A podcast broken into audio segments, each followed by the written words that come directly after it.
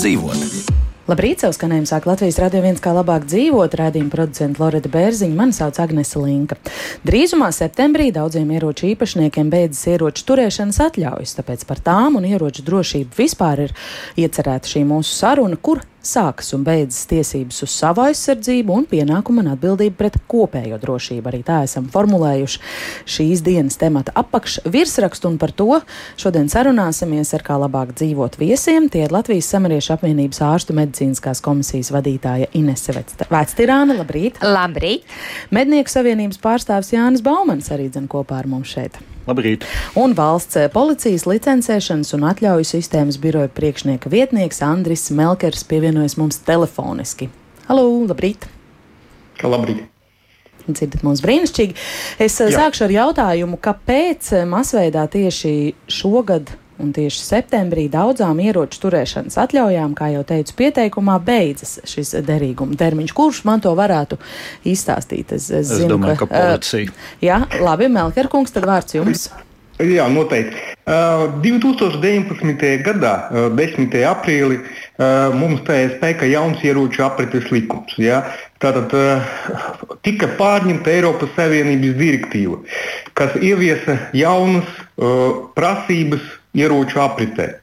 Tā ir skaitā ieroču direktīva tika pārskatīta tehniska specifikācija, ja, tehniska klasifikācija ieročiem. Ja, un papildus tam arī nacionāli, kad mēs esam vērtējuši ieroču atļaujas, viņu derīguma termiņus, arī tika pieņemts konceptuāls lēmums, ja, ka pieņemsim pašaizsardzības ieroču īpašniekiem, ja, tātad atļauja būs terminēta uz pieciem gadiem, medniekiem un sportistiem ja, uz nenoteiktu laiku, bet Tādēļ, ka ieroču klasifikācija Eiropas Savienības līmenī mainījās, mums nācās pārskatīt uh, visu ieroču īpašniekiem piederošu ieroču klasifikāciju, ja, un tagad vienkārši notiek uh, pašu ieroču atļauju precizēšana, ja, atbilstoši Eiropas Savienības direktīvas prasībām un ieroču aprites uh, likumam. Uh, šis process, ja, Kā, tas ir kā precizējums um, Eiropas Savienības prasībām. Jā, mēs to veicam bezmaksas, jā, nav jāmaksā valsts nodeva un mēģinam to, protams, organizēt tādā veidā, lai pēc iespējas taupītu arī mūsu klientu ieroču īpašnieku laiku. Tādēļ mēs aicinām un iepriekš, sniedzam informāciju par to, jā, kā var iesniegt iesniegumu arī attālināti ar elektronisku parakstu. Tad eh, attiecīgi eh, sazināsies atļaujas sistēmas inspektors ar ieroču īpašnieku ja, un piedāvās dienu priekš apmeklējumu, lai viņš varētu fiziski atnākt pie mums. Un tad, paņemot vienu fotografiju līdzi, nu, skatoties, cik atļaujas divas, trīs, jā, tad ir skaidrs, vai divas vai trīs at, fotografijas būs vajadzīgas vēl klāt. Ja, un paveikt šo procesu, ka tiek izgatavota jauna precizēta uh, ieroču atļauja. Jā, un tad, tad 2019. Gada 10. aprīlī tika pieņemts šāds lēmums. Jā, mēs no savas puses jau veicot ieroču īpašnieku pārbaudas dzīves vietā, jā, tātad arī sadarbojoties ar ieroču komersantiem, ieroču asociācijām, ieroču tirgotāju asociācijām, tā ir skaitā ar apsardzes asociācijām, visur tur, kur ir sa saistība ar ieročiem, jā, uh, izplatījām šo informāciju par, uh, nepieciešamu to, uh, par nepieciešamību to izdarīt. Ja? Un tagad uh, mums jau šīs process uh, jau noriet, uh, pat uh, vairāk, vairāk nekā pusi no 60% jau to ir izdarījuši. izdarījuši ja? Mums vēl ir saka, mēnesis, un mēs visus gaidām, aicinām, lai iesniegtu iesniegumus, un tad varēs saņemt to precizētu ieroču atļauju. Mhm. Ja 60% jau ir lietas, sakārtojuši, tad var teikt, ka atsaucība procesam kā tādam ir. Ja? Jā, ir atsaucība, ir ieinteresētība arī tā skaitā. Jā, paldies saka, arī sadarbības partneriem, jā, kas arī izplatīja informāciju. Jā, pat ienākot tagad ieroču veikalos, visur ir tā informācija atrodas jau kādu labu laiku. Jā, tā kā mūsu ir, ir vēlme samainīt, precizēt, jā, nevis tur veidot kaut kādu sankciju politiku, jo mēs tomēr esam, saprotam, ka tas precizējums mums izriet no Eiropas Savienības direktīvas. Jā, bet Bet uh, mēs ceram, ka tā maiņa, kas saka, uz to nenoteiktu laiku un precizētu atļauju, ja medniekiem, sportistiem jau notiks nu, pēdējā reize, tāpēc ka mēs nu, tagad uh, cītīgi strādājam pie tā jautājuma, lai ieroču atļaujas digitalizētu ja, un izveidotu viņus faktiski nu, atbilstoši pēdējiem visam modernam tehnoloģijam, nu, veidotu nu, jaunākus risinājumus. Ja. Tikai tam, protams, ir nepieciešams laiks gan normatīvu aktu izstrāde, ja, gan tā ir skaita nu, finansējums informācijas sistēmas jaunas izstrādes. Kā mēs do, plānojam izveidot, nu, izstrādāt jaunu ieroču reģistru un faktiski nu, tā saskatām uz perspektīvu, ka vienkārši tas jau ir pēdējais tāda nu, ieroču atļauju papīra kā, masveida kā, precizēšana, izsniegšana, ja, kas, kas nu, tuvākajos gados jā, noslēgsies ar jaunu ieroču reģistru izstrādi un digitālu atļauju nu, nacionālu līmeni. Kā jūs, kā jūs Melkarkungs, teikt, tā tāda šobrīd process, kam ir jānoslēdz līdz 14. septembrim, tā ir tāda formalitāte, vai tur tomēr arī kaut kas mainās pēc eh, būtības? Nu, rezumējot visu to, ko jūs izstāstījāt. Nu, tā tā eh, nevar teikt, ka formalitāte, ja? Jo, redziet, ja, nu, piemēram, eh, mednieks dosies ārpus Latvijas, ja? tātad piedalīties medībās, ja? viņam savādāk būs tur ierakstīta nepareiza tehniska kategorija. Ja? nu, ieroču te, vienotas Eiropas Savienības ieroču tehniskas klasifikācijas. Mēs tā kā nevarētu to pieļaut ja, nu, nu, no savas puses, ka valsts izsniedz nu, dokumentus, ja, kas, kas neatbilst Eiropas Savienības kā, prasībām. Ja. Tāpēc faktiski mēs arī paredzējām 2019. gada 10. aprīli tieši piecu gadu laiku posmu, nu, faktiski, lai šis process nu, norietētu veiksmīgi, pēc iespējas mazāk saka, sagādāt problēmas, bet nu, ir skaidrs arī cilvēciskais faktors, ka cilvēki nu, paskatās uz to, ka nu, pēdējais saka, pusgadi ir lielāka daudz aktivitāte ja, nekā, protams, pirms gada vai diviem gadiem. Jā. Jā. Vai kolēģiem šeit studijā jau ir kaut kas piebilstams pie policijas pārstāvja teiktā pagaidām? Pagaidām, pagaidām nē. nē jā. Tad nolasīšu uzreiz klausītāji jau arī iesaistās šai sarunā un uģis vaicā, um, kāpēc ar ieroču atļauju pārformēšana ir tāda kavēšanās. Pēc iesnieguma iesniegšanas jau vairākas nedēļas nav ziņas. Citi kolēģi saka, ja pats nezvani un nesaka par iesniegumiem no policijas puses ir klusums. Varbūt Andri, jūs varat arī šo pakomentēt. Nu, es uh, varētu pateikt, ka kolēģi aktīvi strādā ja, ar šo jautājumu. Faktiski sazinās, ja, un, un, un, protams, uh, uh, ņemot vērā, ka cilvēku plūsma ir diezgan liela. Ja, Protams, nu, to jā, arī jāņem vērā, bet, eh, ja ir iesniegts iesniegums jā, un izteikta vēlme precizēt atļauju, tas tiek izdarīts un būs izdarīts laikus, jā, atbilstoši nu, normatīvu aktu prasībām, tika izskatīts. Jā, protams, mēs ne tikai normatīvi skatāmies, bet strādājam pilna atdeve, kas saka, lai, lai maksimāli uh, palīdzētu iedzīvotiem, ieroču īpašniekiem to izdarīt ātri.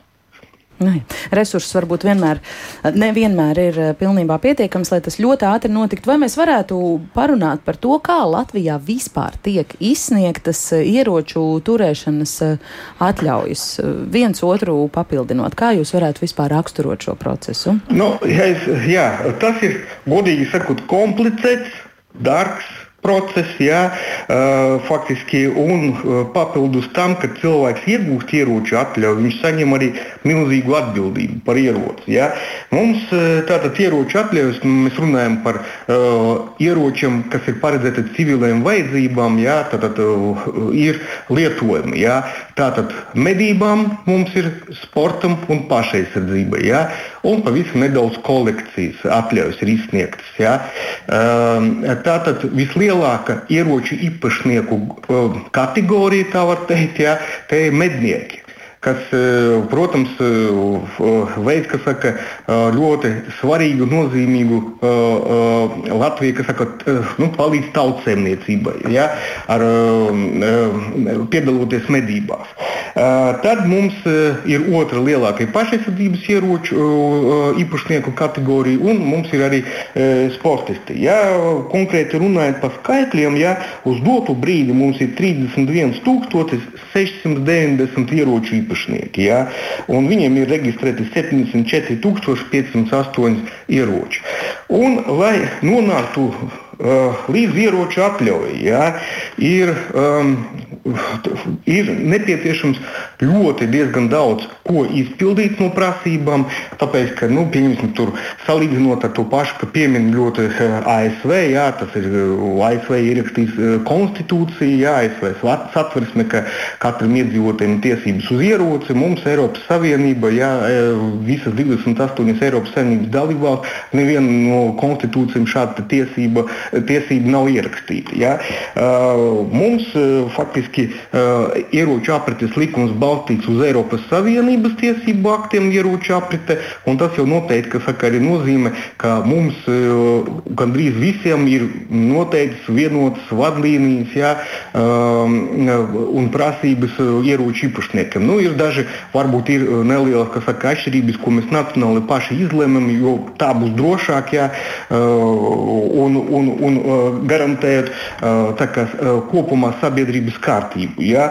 Tātad, lai saņemtu ieroču atļauju, jā, tad ir nepieciešams gan pirmās palīdzības kursus apgūt, jā, gan saņemt atzinumu no medicīnas komisijas komisijas. Tad ir nepieciešams gan sagatavoties eksāmenam, tas skatoties no lietojuma veidam. Pašaizsardzības pieņemts ieroču īpašnieki uh, gatavojas un kārto pie mums valsts policija ieroču eksāmenu. Nu, pieņemsim, atkal mednieki jau uh, gatavojas, saņemtu mednieku apliecību. Un, uh, ja tas iet runa par gārstopu vitnes stobri šaumu ieros, tad ir nepieciešams arī uh, praktisko eksāmenu nokārtot pa prasmi rīkoties ar gārstopu vitnes stobri šaumu ieros jau šautuvē. Ja?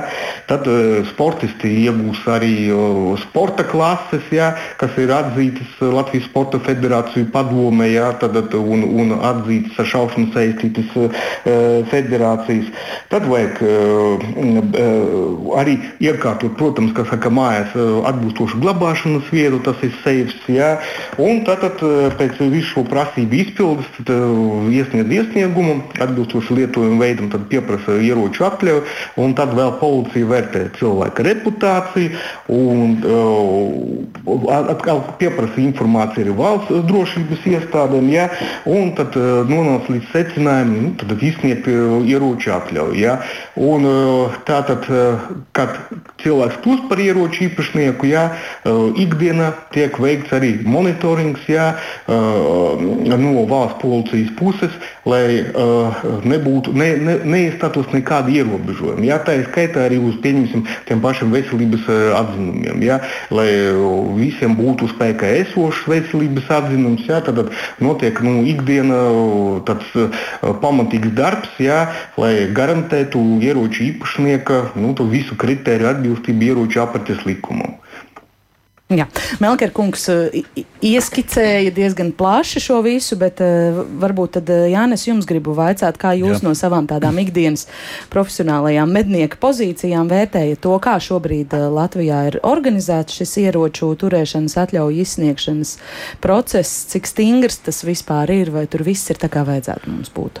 Jā, nu, manuprāt, viņš ir pietiekami stingrs, jo mednieku gadījumā tā, tā pirmā atlase notiek tajā brīdī, ka, lai tu varētu kļūt par medību ieroču īpašnieku, tev jāiegūst mednieku apliecība, un tas nozīmē līdzīgi kā šoferiem, tie ir obligātie kursi. Arī tie paši pirmās palīdzības? Nē, nē, nē mednieku, nē tieši mednieku kursi, kursi eksāmens, kas, ir, jā, kas, ir, kas ir vispirms ir līdzīgi kā, kā šoferiem ir kursi, kuros tu apgūsi teoriju, praktiskās iemaņas. Uh, kursi pietiekami ilgi, ne mazāk kā 40 stundas, bet parasti viņi ir garāki. Viņi arī maksā, tikai tā teorija vien ir ap 200 eiro, praktiskais ir, ir vēl izmaksas. Līdz ar to es domāju, tā ir tāda pirmā atsijāšana, kas, kas tiešām nu, tādus cilvēku, kur iedomā, vienkārši iedomājušies, ka viņi gribētu turēt mājās medību ieroci, pie šī viņi parasti arī pasaka, nē, paldies, man Nebūs to nevajag. Jā. jā, tā tad kursi, pēc tam ir eksāmens valsts meža dienestā kā jau policijas pārstāvs minēja, tas ir gan teorētiskais eksāmens, gan šaušanas eksāmens, kur, kur vērtē arī eh, ne tikai vai spēja trāpīt, bet arī prasme apieties ar ieroci drošību, kā, kā cilvēks ir apguvis. Un tad jau pirms doties uz valsts policiju, tad ir medicīnas pārbaude, eh, pirmās neatliekamās medicīniskās palīdzības kursi, kas ir jāaiziet, eh, un šī šīs izziņas jau tad ir laikam medicīnas izziņa desmit gadi, jaunākiem cilvēkiem pirmā palīdzība pieci gadi un pirmā palīdzība šoferiem bija desmit, jā, mm -hmm. un pirmā palīdzība pieci gadi, ab, abas divas pieci gadi. Tā kā Jā, un tad, tad jau viss tas, ko, ko policijas pārstāvs minēja. Es domāju, ka tādu nejaušu cilvēku nokļūšana pie, pie medību ieroča ir faktiski izslēgta. Tas ir pietiekami ilgs, garš un dārgs process, lai līdz tam nonāktu. Mm -hmm. No šiem 31 tūkstoši ieroču īpašniekiem Latvijā, cik varētu būt tieši mednieki? Mednieki ir vairāk kā 20 tūkstoši. Es domāju, līdz tāda aktīvie mednieki ir 22 tūkstoši, bet es domāju, domāju, ka ieroču, medību ieroču turētāji varētu būt ap, ap 25,000. Mm -hmm. nu, Tas nozīmē, ka lielākais vairums aps, jā, jā. jā, es jā. domāju, ka kaut kāds 75% vai pat vairāk ir, ir tieši medību ieroču īpašnieki. Mm, atbildējām uz Mareka jautājumu. Viņš tieši to arī šobrīd vaicāja, cik ir ieroču īpašnieki, cik no tiem mednieki. Um, Doktor, kā jūs no savām profesionālajām pozīcijām redzat to, kā tas process šobrīd tiek organizēts? Jo, piemēram, Gustavs mums vaicā, vai ieroču atļaujas iegūšanas ārstu komisijas notiek tikpat pavirši kā šoferu komisijas. Samaksā tik naudu, ārsts pat nepaskatās uz tevi, ieliek zīmogu un ej pērc ieroci. Nu, diemžēl es nevaru komentēt Gustava šo te komentāru. Pie mums Latvijas Samariešu apvienības ārstu komisija, kas atrodas Bauskas ielā 86 CSDD ēkā, mums ir ļoti nopietna komisija, kas sastāv no uh, neiroloģa, oftalmologa, otolaringologa, ķirurga vai traumatologa, ortopēda, psihiatra, narkologa un arī uh, ārstu komisijas internista vai ģimenes mm. ārsta. Šāds sastāvs vērtē cilvēka piemērotību, viņam izsniegt ieroču turēšanas atļaujas. Jā, saprotu. jā, gan ieroču izsniegšanas, gan arī autovadītāji, mm. ja tas ir nepieciešams. Un otrs, kā strādā mūsu komisija, ir tas, ka narkologam, psihologam ir pieeja pret programmai. Tas nozīmē, ka viņi pārbauda jūs, vai jūs neesat psihiatri vai narkologu uzskaitē, kā pacients. Uh, reģistrā vēl viņi pārbauda e-veselību, kas ir rakstīts par jums, un uh, šī komisija ir ļoti nopietna, jo uh, Komisija tiek izsniegta uz pieciem gadiem personām, kas ir līdz 60 gadiem, un uz trīs gadiem personām pēc 60 gadu vecuma. Var arī būt tādi gadījumi, kad komisija tiek izsniegta uz vienu gadu vecumu. Ir arī gadījumi tādi, kad uh, šos te, kas vēlās iegūt ieroču uh, iz, medicīnisko izziņu, tiek nosūtīti papildus uz izmeklējumiem, papildus pie psihologiem, klīniskiem psihologiem un noteikti vairāk testus. Tas tā, mm. tas tā tik vienkārši nenotiek mūsu ārstu komisijā. Par pārējām komisijām es, protams, nevaru sniegt nekādus komentārus, jo man nav pieredze mm. šajā komisijā. Bet vai jūs esat vienīgie, kas uh, Latvijā Nē, mēs neesam vienīgie. Tieši ieroču turēšanas? Nē, mēs neesam. Ir uh, veselības centros, kuros arī var iziet šo, šo pilno komisiju. Uh, vēl, protams, ir iespēja aiziet pie savu ģimenes ārsta, jo jūs esat vairāk kā sešus mēnešus uzskaitē pie ģimenes ārsta, un ģimenes ārsts pēc narkologa un psihiatra atzinuma. Tātad jums ir jāiet gan pie narkologa, gan pie psihiatra, var izsniegt šo te medicīnisko izziņu.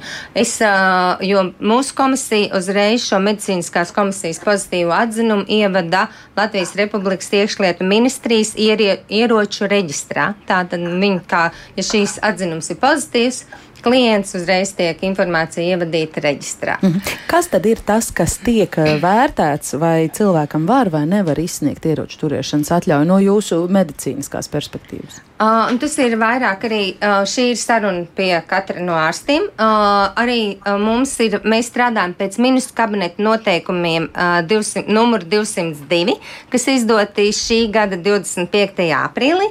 Katrs var ar to iepazīties, jo tur ir arī ļoti daudz uh, pretindikācijas un diagnozes, kuras ir atrunātas, kur gadījumā Uh, vai, nu, vai, vai nu ir jāiet vēl papildus izmeklējumi, vai arī nevar saņemt. Tas, nu, tas nenotiek tik ļoti vienkārši. Jā. Un uh, viens no, no dzīves gadījumiem ir bijis tāds, ko stāstīja narkologs psihiatrs, kad atnāk jaunieti un uh, viņi saka, ka viņa vēlās iegūt ieroci.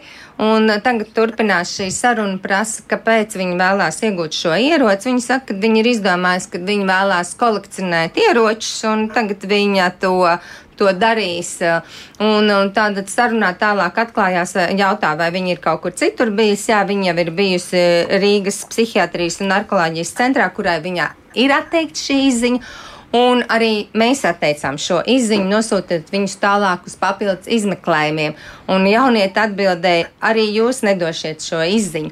Tā kā tas nav tik viennozīmīgi un tas nav tā vienkārši un pie mums nenotiek, jo ir arī gadījumi, kad biznesmenis sēž un saka psihiatram, kad, ko jūs man jautājiet, dariet savu darbu, uzlieciet parakstu. Nu, ārsta darbs ir izjautāt un saprast šo cilvēku, un arī ļoti daudz sarunās mēs saprotam, nu nē, šis, šī cilvēka labilitāte, šī cilvēka stāvoklis, kā viņš uzvedās, nu, viņš nav tiesīgs saņemt šo medicīnisko izziņu, lai rī, rīkotos ar ieroci. Mm -hmm. Bet ir kāda aptuvena, varbūt statistika, nu, cik, cik procentos gadījumu tiek atteikta?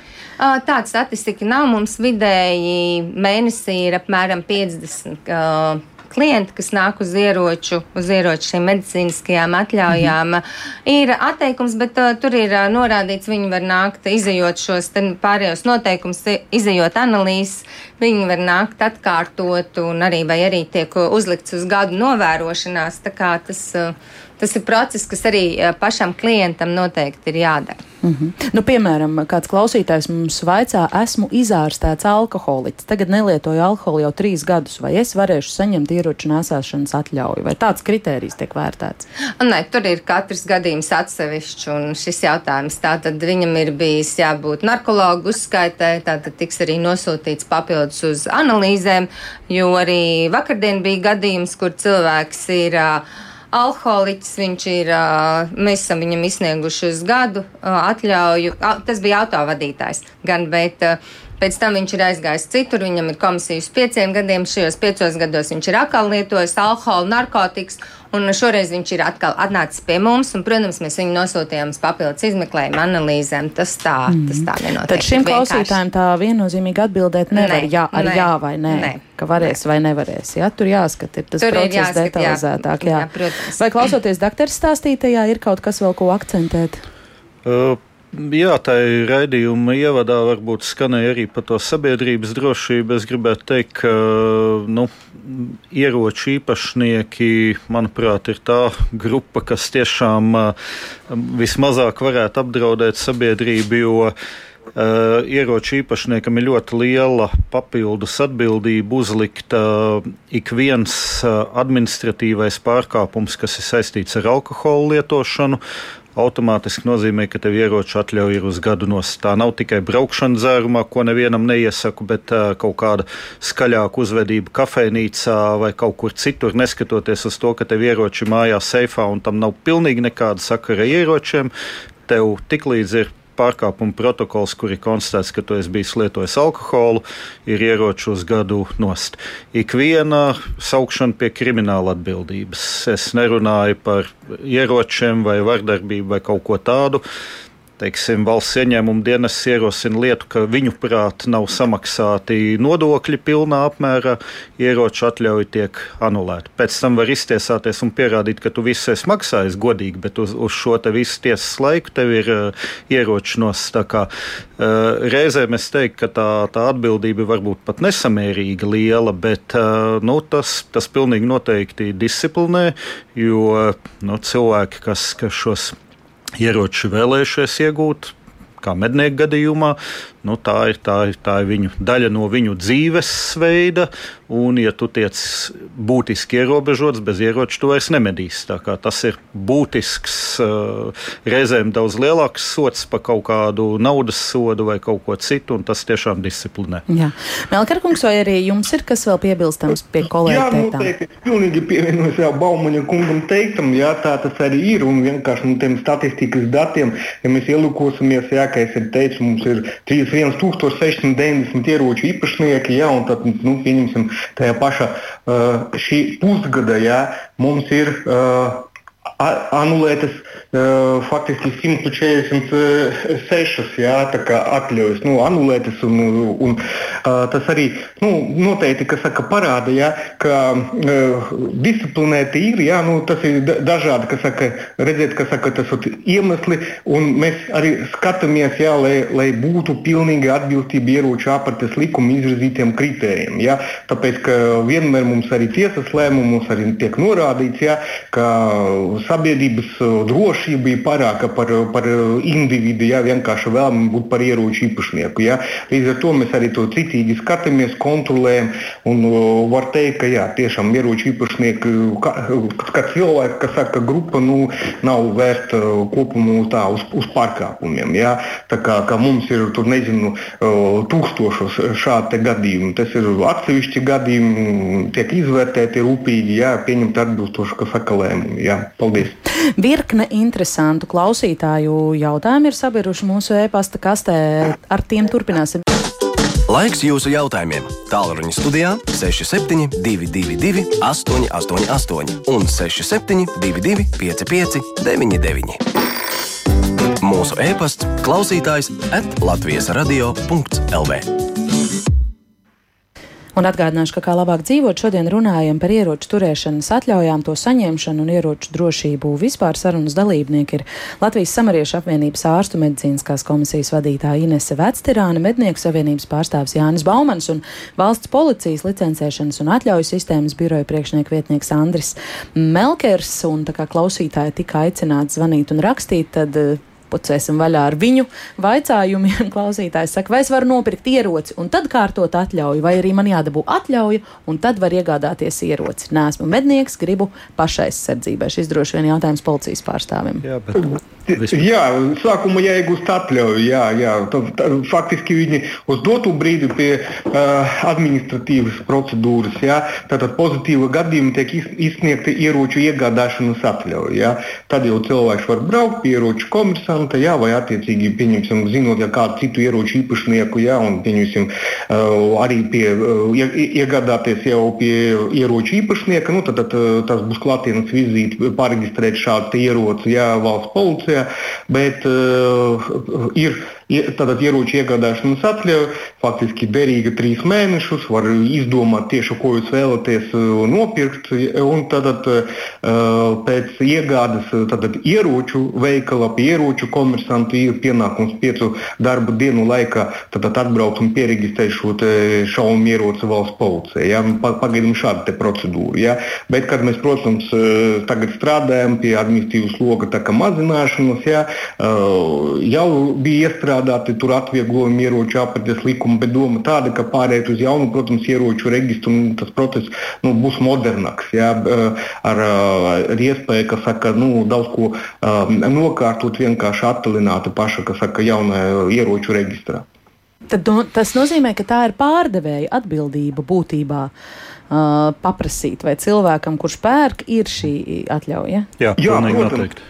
Mhm. Jā, jā tā, tā arī notiek. Savādāk nevar būt. Jā, protams, visi licencēti ieroču komisanti, kompetenti, pārzina normatīvus aktus. Un, protams, ka sākumā vajag uh, gan personas apliecināšanas dokumentu, gan ieroču iegādāšanas atļauju, jā, tieši kādam lietojuma veidam, jā, kas ir atļauts. Tāpēc, ka, nu, ja ir ieroču iegādāšanas atļauja piemēram sporta lietojuma ierocim, nu, tad tas, uh, tas, tas ir pavisam uh, cits jā, nekā tas pirkums pašaizsardzības ieroci, ieroci kad iegādājas strādājis. Ja, tur, protams, ir eh, procedūra, tāpēc, kā es arī minēju, ja, eh, pirms vēl iesniedz iesniegumu, ja, tātad pretendents viņš eh, noskaidro nu, gan normatīvus aktus, gan kārtojas Tāpēc ieroču eksāmenu, lai viņam būtu šīs zināšanas. Ja? Jo pats uh, priekšmets ir ļoti uh, atbildīgs, ja? kas es arī, arī teicu, ja? ka cilvēks arī iegūst milzīgu atbildību. Nu, tādēļ jāorientējas, protams, normatīva regulējuma, kas arī nosaka, kā jāglabā, kā jāpārvadā, kā vispār iespējams iegādāties, realizēt, lai nepārkāptu ja? likumu un, un nenonāktu ja? nu, līdz kādam sankcijām, administratīviem vai kriminālam sankcijām visiem. Cik bieži, starp citu, pieķerat Latvijā cilvēkus, ka pērk, glabā, lieto bez atļaujas? Tādi, nu, protams, ka nelegāli ieroču aprite nu, eksistē katrā valstī, bet, bet faktiski tas ir krimināla policijas kompetence, kas arī nodrošina, ka, ka, ka šādas, kas saka, iedzīvotājs, jā, kas nu, viņam nonāk redzeslokā, nu, protams, tad tiks sauti pie krimināla atbildības. Jā. Bet, bet nu, statistika mums, Latvijā uh, par šo? Tā, uh, nu, tie būs. Uh, Es tagad nevaru jums pateikt, jā, nu, konkrēti par tūkstošiem. Ja tas, ir, tas ir daži simti gadījumi, nu, gada ietvaros, eh, kas krimināla policija būtu vairāk komentēt, nokomentēt jā, par šo jautājumu. Jā. Kas piebilstams, jūs veicāt pierakstus klausoties? nē, nē, es sev, sev pierakstu. Jā, labi. labi, dosim vārdu kādam klausītājam, kas zvana. Lūdzu, jūs esat ēterā, runājiet. Halo, jūs man dzirdat? Dzirdam, runājiet, lūdzu. Man jautājums, vai Latvijas nepilsoņi un citu valstu pilsoņi, tā skaitā īpaši Krievijas pilsoņi, var saņemt Latvijā ieroču turēšanas atļauju. Sapratām jautājumu. Tā, nu, atbildot uz jūsu jautājumu, tika pieņemts tātad saimā ieroču aprites likuma grozījumi, ja, kas šobrīd vairs nepieļauj šādu iespēju. Ja, kā Krievijas federācijas pilsonis un, kā, kā jūs minējat, kas saka, ne, nepilsonis var iegādāties šaumieros. Tagad ir noteikts pārējais posms līdz 1.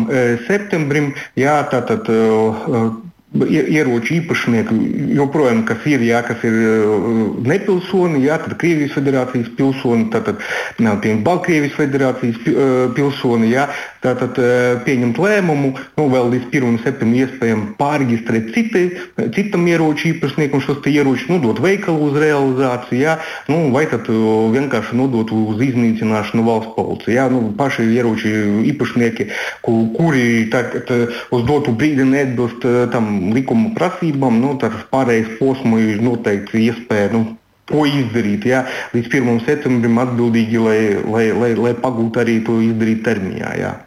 Jā, sapratām arī atbildi. Mums arī klausītāji par to raksta, ka tā īstenībā ir laba integrācijas metode. Man gribās ieročus jākļūst, jākļūst par pilsoņiem. Jā. Kāds klausītājs vēl vaicā, vai skolas medību teorijas kursa iziešanai ir termiņš? par medību eksāmenu. Tātad skolas eksāmenu nokārtoja pirms pieciem gadiem. Jā, uh, nē, šai te, kursu izziņai nav termiņš, bet valsts meža dienestā pamainījās sistēma, kā viņi reģistrē šīs izziņas. Agrāk viņas tika izsniegtas līdzīgi kā medicīnas izziņas rakstiski. Tagad ir ieviests elekt, ieviests elektroniskais reži, reģistrs, kurā kursu organizētāji ievada šo izziņu. Tā kā ja izziņa vecāka par pieciem gadiem, tad šai personai jāvēršas pie kursu, tā kas organizē kursus, lai viņi ievada šajā elektroniskajā reģistrā, bet vai arī meža dienas nāks pretī un paši to izdarīs, bet izziņas ir derīgas. Mm, jā, vēl par medībām Mārtiņš raksta. Interesanti, ka ar visiem kursiem un komisijām katru gadu kāds medībās tomēr Latvijā tiek nošauts. Uh, Nu, Jā, nu, tā, tās, tas ir katru gadu netiek nošauts. Tā, tā būtu pirmā lieta. Katru gadu notiek viens vai, vai daži nelaimes gadījumi. Uh, kādreiz kāds ir letāls, kādreiz lielākā daļa ir teiksim, tā, mazāk bīstami. Šis ir paaugstināts bīstamības priekšmets. Nu, 20,000 mednieki, kuri gadā 10, 20, 30 reizes iet, iet medībās, nelaimes gadījumi notiek tieši tāpat kā ar autotransportu, tieši tāpat kā ar, ar aviotransportu, vai, vai tieši tāpat kā cilvēka motorzāģi iezāģē kājās vai, vai uzgāž sev koku virsū. Tā kā nu, eh, neviena pat vislabākā apmācība nu, neizslēdz kaut kādu cilvēku paviršību vai kādreiz arī nu, kaut kādu totālu nejaušību. Mm, par šo arī varbūt ko komentēsiet. Nu, man nu, man, man gluži nav tādi, bet jā, nelaimes gadījumi noteikti arī var būt cilvēku veselības stāvoklis, var arī pēkšņi mainīties un pēkšņs insults, infarkts, nu, no tā jau nav neviens pasargāts, un to mēs nekad nevaram paredzēt, bet jā, tāpēc jau ir katra personīga atbildība par savu veselību, ir ģimenes ārsts, ir katru gadu noteikti ir nepieciešamība vispārējais veselības pārbaudas cilvēkam, un tas ir ne tikai savai drošībai, bet arī sabiedrības drošībai. Un tāpat ir ļoti, ļoti sveitīgi ir šie pirmie, pirmās palīdzības kursi, kuros tātad tu zini, kā pareizi rīkoties, ja kaut kas notiek tev dzīvē. Ne tikai medībās, vai arī notiek uz ceļa vai uz ielas. Mm, jā. Par sabiedrības drošību mm, vaicā arī Margarita. Kāds ir jūsu viedoklis? Vai tas, ka iedzīvotājiem ir ieroči, palīdz stiprināt sabiedrības drošību vai tieši pretēji? Nu, diezgan vispārīgs jautājums. Melkerkungs. Jā, varbūt viņš ir vispārīgs, jā, bet godīgi sakot, no, mums pēc neatkarības atgūšanas jau tika izlemts, jā, ka mūsu iedzīvotājiem var būt ieroči, šaujamieroči konkrēti, kas saka, lietojuma veidos. Jā, un, kā jūs redzat, viņi atbilst civiliem vajadzībām, jā, atbilstoši viņu lietojumam. Un, Protams, Eiropas Savienības uh, ietvaros nu, ir dažādi lēmumi. Ja? Ir mums Eiropas Savienības dalībvalstis, kur ir pašaizsardzības ieroči liekti, bet ir iespēja iegūt tikai medību ieročus, ja? vai tikai sporta vajadzībām, nu, atbilstoši arī tehniskam kategorijām, klasēm. Ja? Tātad mazāk, vairāk jaudīgas, ja? un, un, un tā tālāk viss tiek lemts. Nu, arī ir tāda iespēja nacionāli par to domāt, lemt. Nu, mums uh, faktiski tas ir atļauts, tas ir ir nu, faktiski ņemot vērā ieroču īpašnieku tēlu, kas, kas ievēro normatīvus aktus ja, un atbildīgi ir attieksme pret, pret ieroci, nu, kas saka, netiek apdraudēta sabiedriskā kārtība, jo mēs par to rūpējamies un vērtējam katru ieroču īpašnieku, lai tā nebūtu. Naumankungs. Jā, es varētu piebilst, ka tas droši vien ir atkarīgs tieši no šī ieroča veida. Uh, medību ierocis mājās, nu, es domāju, tie būs ļoti reti gadījumi, kad, kad tas palīdzēs kaut kādā veidā paaugstināt drošību. Nu, ja tur tiešām notiek kaut kāda rupja ielaušanās, jo medību ierocis ir jāglabā seifā, ar viņu nestaigā ikdienā apkārt. Tā kā, ja man parkā piesiesies pāris ierēbuši tipi, tad tas nekādā veidā man drošību nepalielinās. Pašaizsardzības ierocis ir savādāk, un, un arī nu, pa kādu drošību, pa kādu apdraudējumu apdraudējumu mēs runājam. Teiksim, nu, pēc, pēc pagājušā gada 24. februāra, neskatoties uz to, ka es esmu mednieks, man ir medību ieroči. Es sapratu, ka, nu, laikam, ja kaut kas valstī notiks slikts, tad līdzīgi kā Ukrainā, tad, tad ar to būs pamaz, un es iestājos zemesardzē. Tā kā es pieņēmu šādu lēmumu.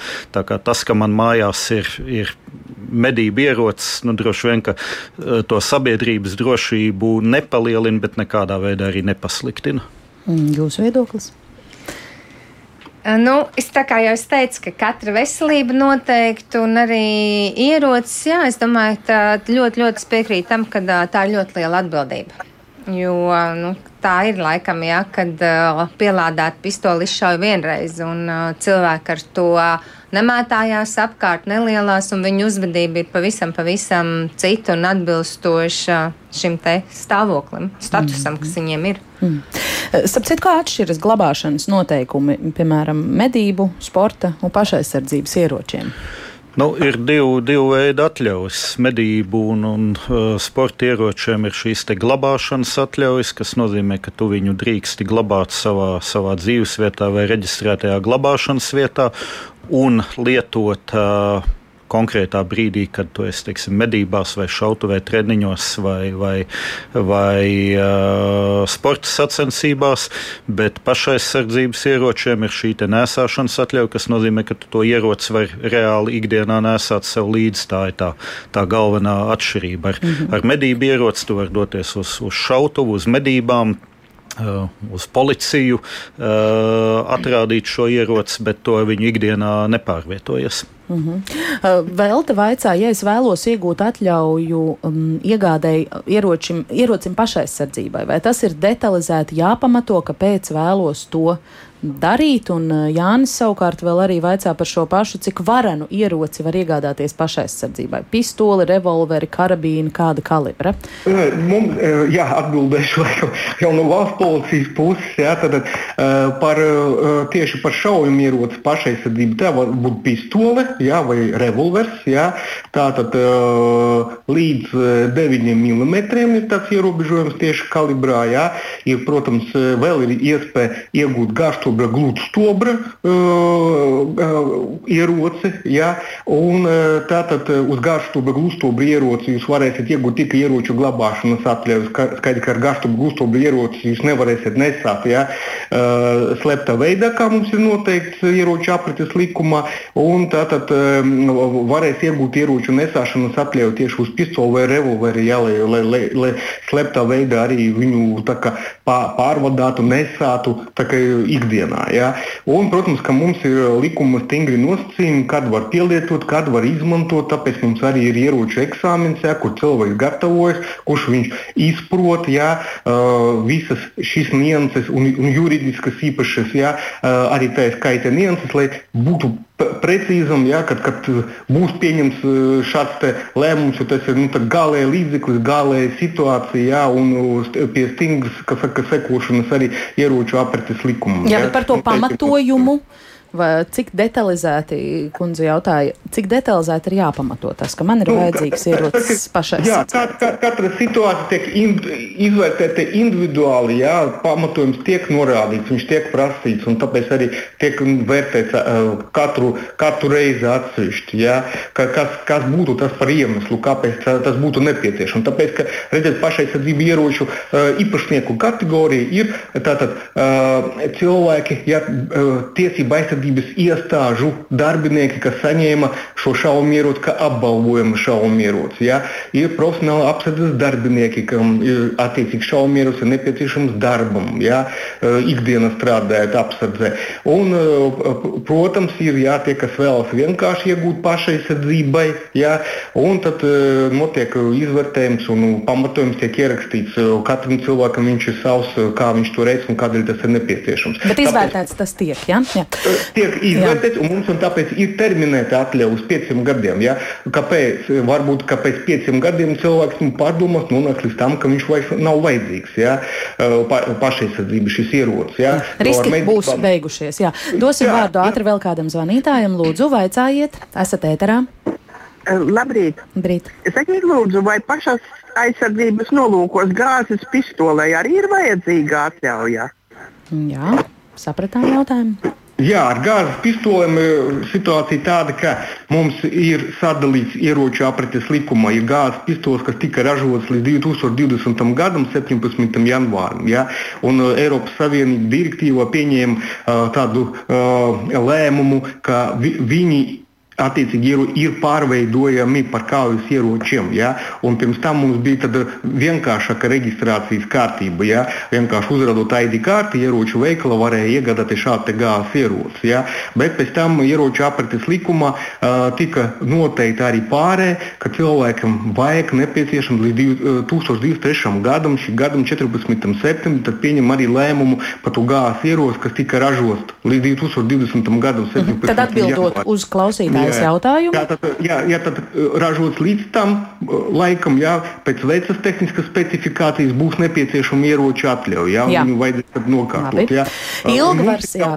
Jā. Mhm. Ilgvars jautā, vai gāzes ieroci, kas iegādāts pirms 2019. gada, var pāreģistrēt medniekam, kuram ir medību atļauja, vai arī viņam jākārto citas atļaujas, lai glabātu gāzes ieroci? Uh, viņš pielīdzinās mums pašaizsardzības uh, pistoli vai revolverim. Ja?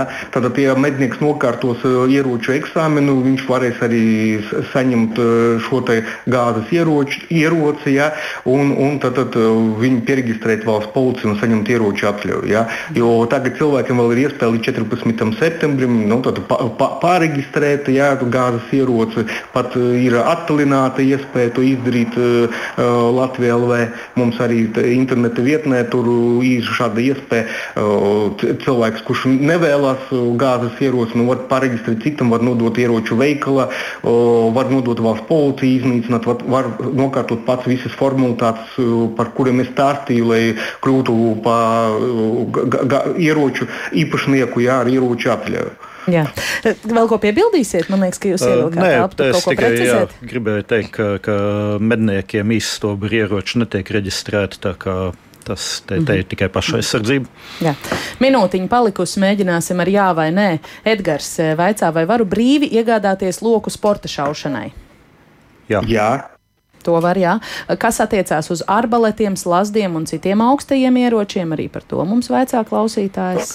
Slazdas var iegādāties, bet viņas nedrīkst, uh, ja viņas izmanto medībām, tad, uh, tad jābūt mednieku apliecībai, jo tās ir, tās ir medības. Ja jūs viņu liekat savā kaut kādā kūtī, lai žurks ķertu, tad, eh, tad tam nekāda atļauja nav vajadzīga. Mm -hmm. Un visbeidzot, nolasīšu vēl divus tādus pretējus eh, viedokļus. Agra raksta, es vispār aizliegtu privātpersonām iegādāties ieročus. Nu, mednieki varētu būt izņēmums, vai tad mēs nedzirdam un neredzam, kas notiek ASV apšaudas un mirst civili iedzīvotāji. Savukārt Aldis eh, raksta, ka lauku mājās kādreiz tika iegādāta gāzes pistole ar trokšņa patronām dzīvnieku aizbaidīšanai, bet tagad lācis būs jābaida ar slotas kātu. Tātad sabiedrībā viedokļi arī par šo ir dažādi. Man, diemžēl, pienāca laiks teikt paldies par sarunu. Šodien radījumā, kā labāk dzīvot uh, Inesei Vectirānei, Jānim Baumanim un Andrim Melkeram par radījumu tapšanu. Šodien gādāja Loreta Bērziņa, pieskaņpults Kristaps Ruņģis un radījumu vadījies Agnes Linka. Rīt, kā labāk dzīvot par to, kā būvēt energoefektīvākas mājas ar pilsētas apzaļumošanu, kompensēt piesārņojumu un kā vispār iedzīvotājiem sadarboties, lai sekmētu tīrākas un veselīgākas pilsētu vidas veidošanos. Kā labāk dzīvot?